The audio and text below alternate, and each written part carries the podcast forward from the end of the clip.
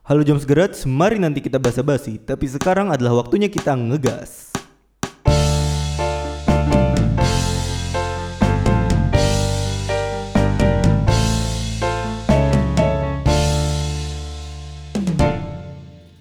Halo Joms Gerats, gue Yudhistira kembali lagi di podcast Joms Gerats. Ini adalah episode kelima yang dijadwalkan tayang pada tanggal 17 April 2021. Nah, karena ini masih minggu pertama bulan puasa juga, jadi gue mau ngucapin buat teman-teman yang menjalankan ibadah puasa ya. Selamat menunaikan ibadah puasa. Dan ya sebenarnya episode ini gue nggak terlalu yakin apa yang mau gue bahas dan juga di episode ini sama mungkin episode selanjutnya karena kebetulan tuh di tengah-tengah musim lebaran bahkan di perhitungan gue itu tayangnya di hari lebaran mungkin hari setelahnya mungkin hari sebelumnya tapi ya mungkin plus minusnya cuma off dua hari. Jadi untuk episode yang ini dan episode yang itu kita belum ngebahas Strobo dan kita ya karena kita yang gue ajak ngebahas Strobo memutuskan untuk absen. Sebagai gue yang nyuruh di absen nanti kita bakal balik lagi setelah lebaran gitu. Tapi buat episode ini dan episode depan gue mau ngebahas sesuatu yang belakangan ini gue ketarik dan mungkin bakal gue bagi dua karena apa ya? Bisa kayaknya gue bagi dua tapi kalau ternyata gue udah sebut semua udah gue omongin semua di episode ini gue harus nyari topik lagi.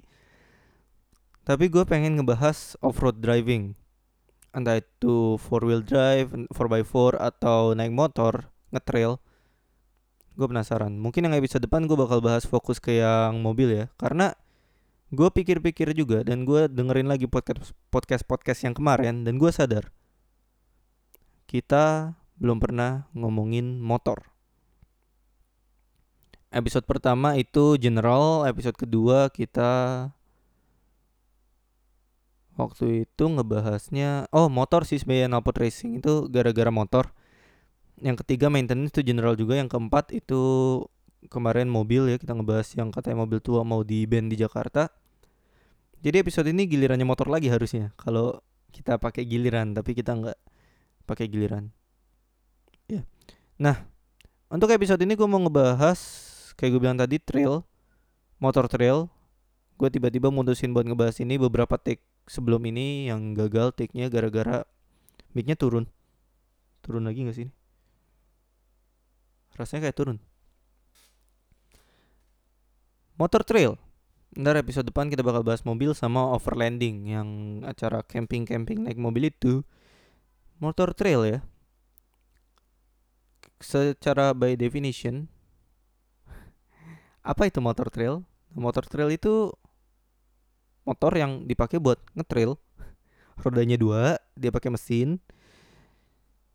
Menariknya adalah motor ini didedikasikan di engineer itu buat off-roading. Jadi rangkanya itu digambar garis-garisnya, sambungan-sambungannya sedemikian rupa supaya dia kuat nahan beban rider waktu mereka off-road dan bisa flexing, ngasih flex yang masih cukup. Kalau off-road itu kita pengen rangka ngeflex dikit, tapi kita nggak pengen dia terlalu ngeflex karena kalau terlalu ngeflex itu susah diprediksi tapi kalau nggak ngeflex sama sekali itu bakal terlalu keras, kita malah takut rangkanya patah. Makanya kita pengen flexing dikit. Ini mic gue turun lagi loh.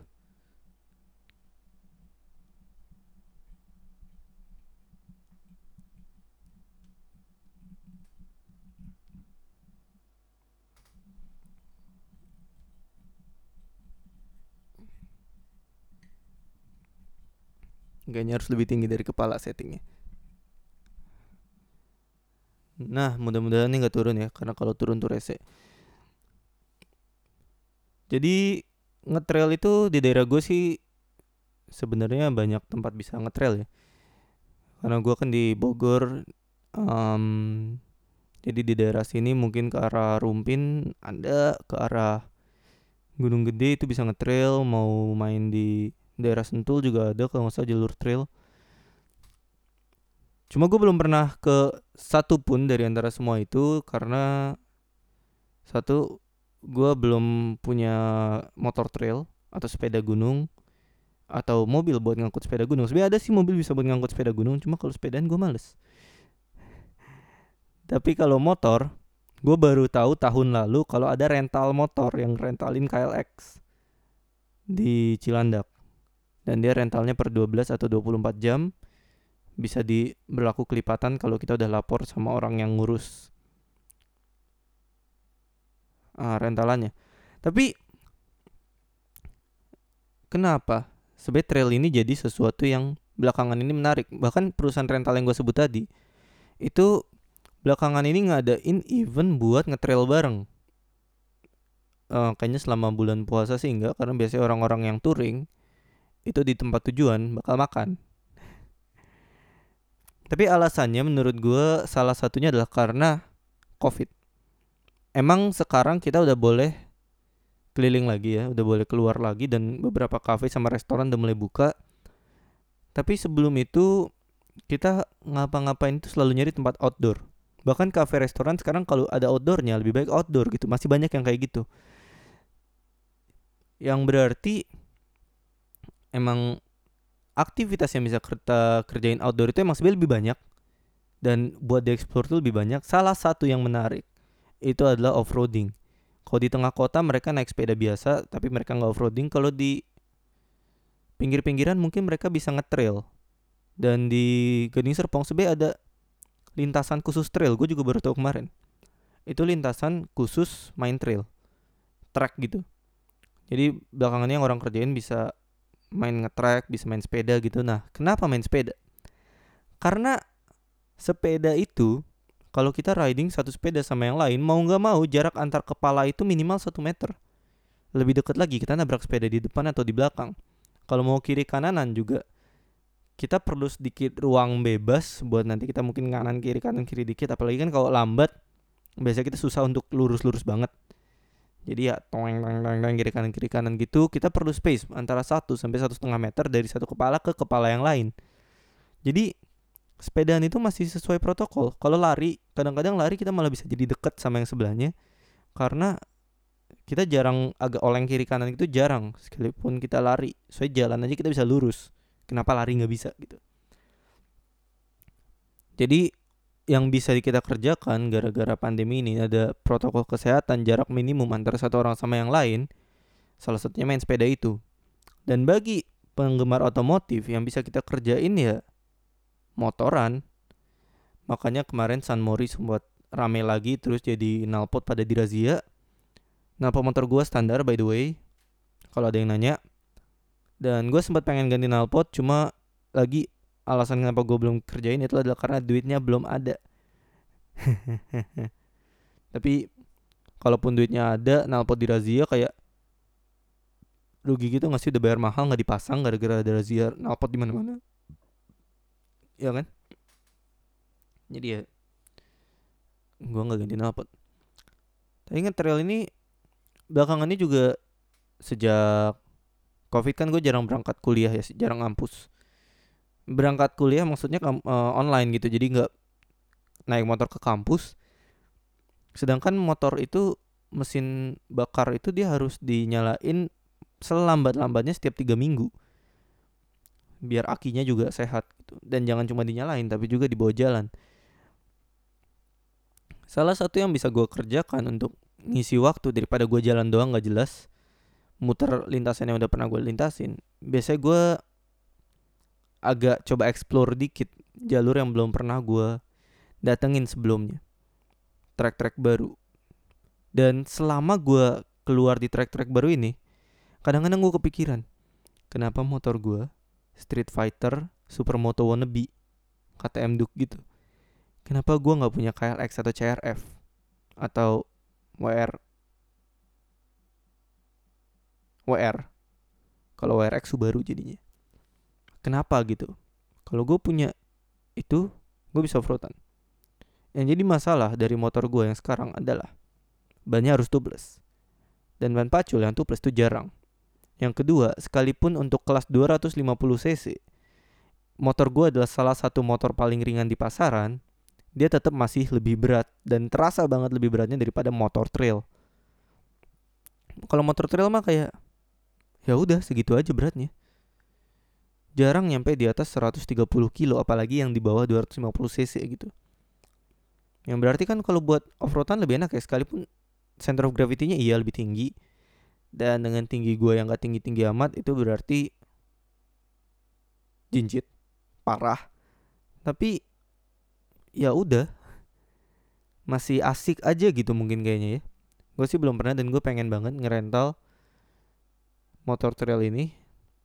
Cuma nabung dulu. Karena kondisi keuangan lagi untuk have fun kurang ada. Jadi ya udah kayak gitulah nasib. Nah. Ngetrail ini menjadi aktivitas yang menarik karena sebenarnya selain ngeriding kita juga bisa di lokasi tujuan camping tapi itu di episode sebelumnya eh, selanjutnya nanti gue bakal ngomongin overlanding yang camping pakai mobil kalau pakai motor ini kayaknya overlander kurang banyak dah ntar gue benerin mic lagi ya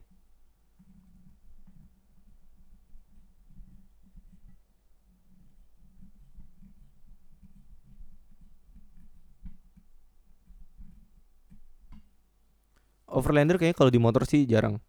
Tapi mungkin ada. Nah, motor ini dirt bike.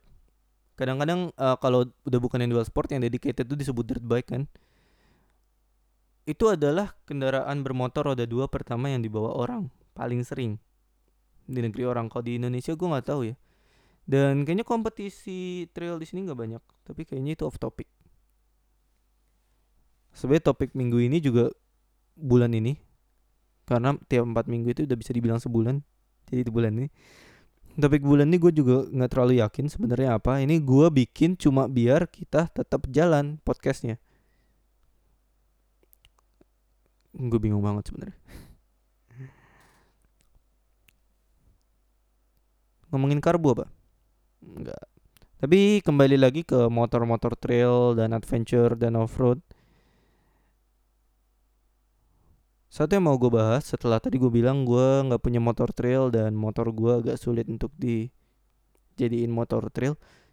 Enggak juga. Sebenarnya kalau untuk adventure apalagi yang ringan sama kayak overlanding, kita itu nggak perlu dedicated vehicle. Kita bisa pakai apa pun yang kita punya untuk overlanding. Emang mungkin kita nggak bisa nyampe destinasi sejauh dan se ekstrim mereka-mereka yang pakai kendaraan dedicated. Tapi it's not the end of the world gitu kalau misalnya kalian nggak bisa dapat kendaraan yang dedicated. Banyak sebenarnya orang yang modifikasi motornya dari R15 tuh jadi buat ngetrail nggak banyak tapi ada. Bahkan yang Ducati yang sport bike itu dipasangin ban pacul itu ada. Jadi mungkin gue cuma dari kemarin nyari alasan aja biar gue bisa nyewa KLX tapi emang iya sih sebenarnya bawa motor yang sama terus tuh bosen.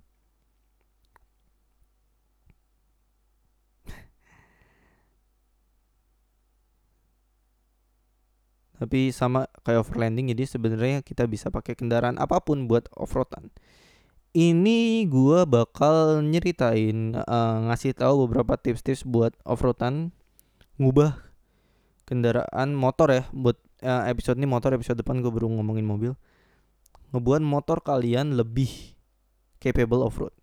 Yang pertama, kurangin beban yang gak perlu. Itu bisa fairing-fairing yang berlebihan. Frame slider. Frame slider sebenarnya menurut gue recommended kalau buat off-road. Oh sebentar, ada dua approach yang mungkin bisa kalian mau ambil kalau kalian mau off-roadan naik motor. Yang pertama adalah yang kalau di komunitas mobil tuh crawler. Jadi mereka-mereka yang jalurnya ekstrim dan mereka bener-bener off-road tuh buat off-road doang. Atau yang kedua adalah explorer atau yang kalau di mobil mungkin overlanding. Tujuannya hanya explore. Dan kalian malah kadang-kadang perlu ngebawa gear buat exploring. Mungkin bawa trangi atau apa. Di sini di sinilah kita ngebagi dua kategori motor. Dirt bike dan dual sport sama ADV. Kalau ADV itu masuk ke kategori yang lebih ke exploring. Mereka masih bisa main highway miles, masih di jalan aspal cukup nyaman, tapi off-road masih bisa dikit lah. Um, barang-barang kayak gini tuh kayak SUV yang masih 4x4. Gitu kayak misalnya kalau di mobil ya XUV yang kayak 4x4 tuh misalnya um, Pajero Sport itu kan ada yang versi 4x4 nya terus Subaru all wheel drive juga masih bisa dimasukin ke sini. Sedangkan kalau yang satu lagi yang full purpose-nya hanya untuk trail itu kayak Jeep Wrangler, Land Cruiser. Mereka lebih dedicated untuk off-roadan. Jeep Cherokee gitu kan. Cherokee enggak sih? Cherokee lebih ke kalau di Jeep dua-duanya ya Cherokee sama Wrangler lah. Sebutlah kayak gitu. Nah. Tapi kalau orang-orang kita sih sebagian besar mainnya pakai trail beneran ya. Karena satu dia lebih murah. Dua sisinya kecil ada jadi lebih murah. Sedangkan kalau adventure itu minimal 250 cc kayaknya sekarang yang 150 belum ada. Dan adventure emang terkenal motor mahal sih. Kadang-kadang nggak perlu juga. Untuk referensi kalian bisa coba nonton video di channel YouTube Fortnite, bukan Fortnite, Fortnite. Dia sempat nge-review Kawasaki Versys X250 dan di compare sama CRF 250 rally. LT nggak pakai rally. Kalau yang Versys di dia 300 di Kanada, tapi di kita ada 250. nggak apa-apa. Sama kayak ninjanya di sana ada ninja 400, di kita masih dua setengah. Nggak apa-apa dia nge-compare dan hasil komparasinya mengatakan bahwa kalau misalnya yang kalian beli adalah sebuah beginner bike untuk nge-trail jauh lebih baik pakai dedicated dual purpose daripada pakai motor adventure. Karena kalian bisa lebih ke macam-macam tempat dengan berat yang lebih ringan, tenaga yang mungkin mirip. Kalian lebih ringan. Beda sama kalau kalian pakai emang motor adventure gede yang tenaganya juga gede tapi itu juga susah dikendarain kalau kalian apalagi nggak biasa. Kita kan biasa di negeri ini mainnya fiction ya. Naik fiction atau mio gitu. Jadi kalau kita naik motor cc gede yang agak berat memang kadang-kadang agak sulit. Paling gede gue pernah bawa motor tuh Ducati Monster 795 803 cc untungnya ringan. Gue justru gue justru sempet kaget kok motornya ringan banget. Gue bandingin sama KTM gue waktu itu dan wow ringan gitu. Tapi tenaganya gede gue nggak berani unleash banget tenaganya karena motor orang. Tapi mungkin nanti satu waktu gue bakal bahas itu di video YouTube. One day kalau misalnya kita udah main lagi di YouTube. Karena as of now bahan untuk bikin video YouTube menurut gue kurang banyak. Jadi kita apa yang bisa gue bahas di YouTube gue bisa aja bahas di podcast. Yang jauh lebih sederhana. Dan bisa didengar sambil kalian nggak perlu fokus nonton um, tapi kita kembali lagi ke trail motor trail. Dan kembali lagi ke Fortnite. Jadi selain tenaga kedua kalian punya ground clearance yang lebih tinggi dengan motor trail. Orang yang sama Ryan ini dia pernah uh, nge-review KTM Adventure 390 yang ground clearance-nya tergolong rendah. Terus footpack-nya itu agak sedikit angled ke depan dan stangnya rendah. Motor kayak gitu kalau buat ngetrail yang ekstrim enggak. Tapi kalau kita beginner sebenarnya untuk kelas adventure beginner tuh oke, okay, tapi kalau beginner kalian pengen lebih ekstrim jalannya lebih ke mana-mana ya mending pakai trail beneran kayak KLX gitu. Gue masih pengen banget sama KLX itu ya, cuma dananya nggak ada cuy. belum lagi kalau misalnya motor kedua gue masih harus bayar pajak lagi kan nambah pajaknya progresif uh, in defense-nya Kawasaki KLX dia punya spare part itu murah mudah didapat. Dan motornya termasuk mudah di maintain karena dia masih karburator juga gitu. Tapi nantilah. Gitu ya kalau buat nge-trail dan touring dan lain sebagainya. Gue termasuk orang yang oh iya itu yang gue gue tiba termasuk orang yang itu. Seorang introvert juga bisa ngetrail karena ngetrail itu nggak terlalu perlu komunitas ya. Asal kalian tahu kalian nggak apa yang kalian kerjain gitu. Karena salah satu limitation dari ngetrail adalah kadang-kadang kalian overconfident. Dan efek dari overconfidence itu adalah kalian gak berhasil ngelewatin suatu tantangan. Sure there's a way around it. Tapi kalau kalian masih pertama banget dan gak ada guide atau motivasi dari orang yang lebih berpengalaman yang tahu yang bisa bilang kayak I've done this before. This is how you should do it. Atau gue pernah bisa lakuin nih jalan ini masih bisa dilewatin. Yang penting lu yakin. Gue bakal ngawasin di sini dan ngebantu lu kalau lu udah benar-benar kepepet banget. Ada guru yang kayak gitu kalau lu kepepet banget baru dibantuin. Tapi ya trail itu dibanding MTB itu emang lebih mahal untuk get into tapi kalau misalnya kalian belum pernah punya motor dan kalian pengen banget naik motor kalian baru bikin sim karena kalian udah pengen banget jadi kalian belajar pakai motor teman terus bikin sim. Um, by the way Okta seorang sahabat apa anda sudah bikin sim? Itu saran gue bikin sim sih iseng aja siapa tahu ntar lu dipinjemin motor lagi sama orang kan? Nah apakah motor trail itu salah satu first bike yang baik? Ini dari tadi nggak terstruktur gue ngomong pertama gue cuma ngomong trail sepeda terus modifikasi motor biasa jadi trail kenapa lebih baik trail beneran? Tetap lebih baik trail beneran kalau menurut gue apalagi untuk beginner karena lebih simple um, lebih mudah di maintain lebih ringan dan dia punya ground clearance yang lebih tinggi. Untuk jalanan Indonesia ground clearance tinggi itu penting sekali. Gue nggak pengen kalian datang ke komplek gue sekarang. Dan gue nggak pengen kalian datengin studio gue ini yang ada di dalam rumah di komplek. Karena kalau kalian datang kalian bakal sadar. Bakal sadar kenapa gue pengen banget ngetrail dan pengen banget mobil 4x4 pengen banget motor trail tuh kenapa kalian bakal sadar.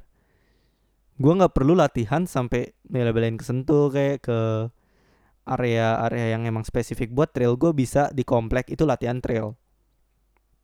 Gitu. Alumni sekolah gue bakal tahu. Nah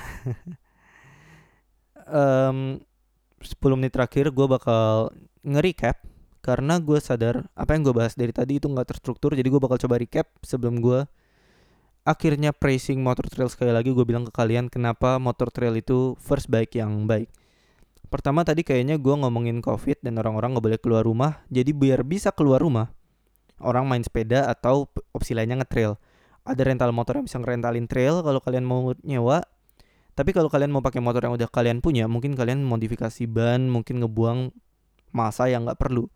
Tapi kalau kalian belum punya motor, ini dia alasan kenapa motor trail bisa jadi motor pertama. Alasan kenapa itu pilihan yang cukup baik. Satu, relatif lebih murah dengan spek yang enggak sih sebenarnya kalau dibandingin speknya lebih mahal sih daripada fiction. Kalau nggak salah fiction tuh sekarang ada di angka 2627 ya sama kayak CB juga 2627 tapi KLX itu dan CRF dan WR itu di 30 jutaan. Tapi motor trail itu cenderung bulletproof, mesinnya dibuat dengan cukup baik, mereka cukup tahan lama jadi gue saranin beli second 15 20 juta buat budget oke okay, plus buat servis mungkin siapin ya 500 600 ribu plus ban baru. Mungkin kalau kalian mau ban baru um, kasihlah satu setengah juta. Jadi 2 juta di atas budget motor. Kalau kalian emang pengen nyimpen motor untuk waktu yang lama dan kalian pengen bawa juga ke jalan raya siapin biaya mutasi dan balik nama tergantung daerah kalian. Nah itu tadi soal budget. Pertama dia lebih murah. Yang kedua dia ringan. Ringan itu berarti kalau misalnya salah satu karakteristik dari pengendara baru adalah mereka sering ngedrop motor. Dan kalau motornya berat, ngangkat balik dari motor yang jatuh itu rese, nyusahin. Jujur, gua sendiri ngangkat balik motor gua kalau jatuh, yang KTM itu, yang termasuk ringan, itu buat gua masih agak sulit. Mungkin karena KTM memang uh, center of gravity-nya agak tinggi, jadi kalau jatuh masanya agak di luar ya, agak jauh dari roda. Beda kalau sama motor BMW yang masanya rendah. BMW yang flat engine yang boxer. Kalau yang gak sama aja tinggi. Nah, kalau motor trail dia punya overall weight yang lebih rendah daripada motor-motor lain kecuali kalian udah nyampe ke kategori moped sama matic. Jadi sebelum kalian nyampe ke situ biasanya motor trail itu lebih ringan. Dan buat kalian yang emang masih baru pertama kali apalagi main kopling, fun uh, interestingly Kawasaki punya KSR yang sebenarnya itu trail mini Iya KSR Trail Mini itu udah ringan sayangnya dia nggak murah karena motor hobi tapi untuk anak belajar itu oke okay. Udah kalau kalian mau gila mah ada beberapa opsi sih kayaknya dari merek-merek yang lokal buat mini trail ada kayaknya. Nah, dia lebih ringan juga dan maintenance-nya lebih mudah kalau kalian juga pengen sekalian belajar servis motor sendiri. Di video kedua Jam Scratch gue sempat bilang kalau gue bakal bikin tutorial-tutorial kayak ganti oli lah, servis ini, servis itu, tapi itu kayaknya ntar um, karena buat sekarang platform gue adalah uh, eh, KTM gue tapi gue nggak pengen pengen banget pakai motor itu buat bikin tutorial karena itu berarti gue harus bikin tutorial sekarang dan tutorial selanjutnya bisa entah kapan karena uh, motor tuh gue tahu gue maintain dari awal jadi uh, maintenance intervalnya semuanya masih sesuai jadwal. Beda sama kalau misalnya nanti gue mungkin punya beli motor lain yang second semua maintenance bakal gue kerjain di depan baru sesuai jadwal. Gitu. Jadi mungkin nanti uh, makanya gue bilang buat sekarang podcast dulu mungkin kita bakal main lagi sekitar 2 tahun ke depan di YouTube um, karena beberapa alasan personal juga. Terus dia lebih mudah di maintain sekalipun nah ini kita mulai ke downside-nya motor trail. Satu tangkinya kecil. Dua joknya sempit. Jadi maksudnya sempit tuh nggak lebar ya. Jadi didudukinya itu keras dan sakit. Terus yang ketiga dia tinggi. Gitu. Kecuali kalian ngambil KSR 110 yang gue bilang tadi itu tinggi dan itu berarti nggak semua orang bisa dengan mudah mengendarai trail. Karena itu tadi. Dan KSR kalau kalian milih KSR dia nggak semuanya pakai kopling. Jadi kalau kalian beli motor trail ini buat belajar kopling uh, perhatiin kalian punya KSR yang kopling apa enggak sekalipun sebenarnya modifikasi KSR dari non kopling ke kopling itu bisa sih. Gitu. Nah, tadi itu terakhir kenapa motor trail alasan-alasan yang bikin motor trail itu bisa jadi motor starter yang bagus. Selain tinggi, menurut gue dia bagus banget. Um, tenaganya cenderung terkontrol ya. Nggak terlalu gede biasanya kalau motor trail yang nggak gede. Dan kalian bisa latihan off-road yang buat beberapa orang itu platform yang lebih baik karena latihan off-road tuh kalian jarang kencang. Jadi kalau motor jatuh ya dia drop drop doang dan kalian juga ngedrop doang itu beda sakitnya sama kalau kalian lagi kenceng belok tiba-tiba jatuh terus slide. Gitu. Emang uh, ada thread yang uh, drop itu ada thread yang lebih berbahaya yang patah sampai patah tulang dan sebagainya. Tapi in low speed uh, dan dengan gear yang benar kemungkinan besar kalian selamat dari low speed crashnya belajar trail Nah, sekarang kita udah hampir 10 eh udah hampir 30 menit dari podcast ini. Jadi kayaknya gue tutup aja. Karena makin lama gue ngomong pasti makin ngawur yang gue bahas. Jadi segitu untuk podcast James Garage episode kelima ini. Terima kasih buat kalian yang udah dengerin sampai akhir. Kalian sadar seberapa gue bahasa basinya nggak jelas. Follow Instagram James Garage dan DM ke kita apa pendapat kalian tentang ngetrail mungkin nanti bakal gue bikinin yang ini ya uh, kartu question di story. Kalau kalian ngisi berarti kalian entah denger ini entah ngisi aja. Tapi ya mudah-mudahan kalian juga denger ini nggak ngisi doang. Oke okay, sekian podcast kita kali ini. Sampai bertemu di podcast selanjutnya. Jom segera cabut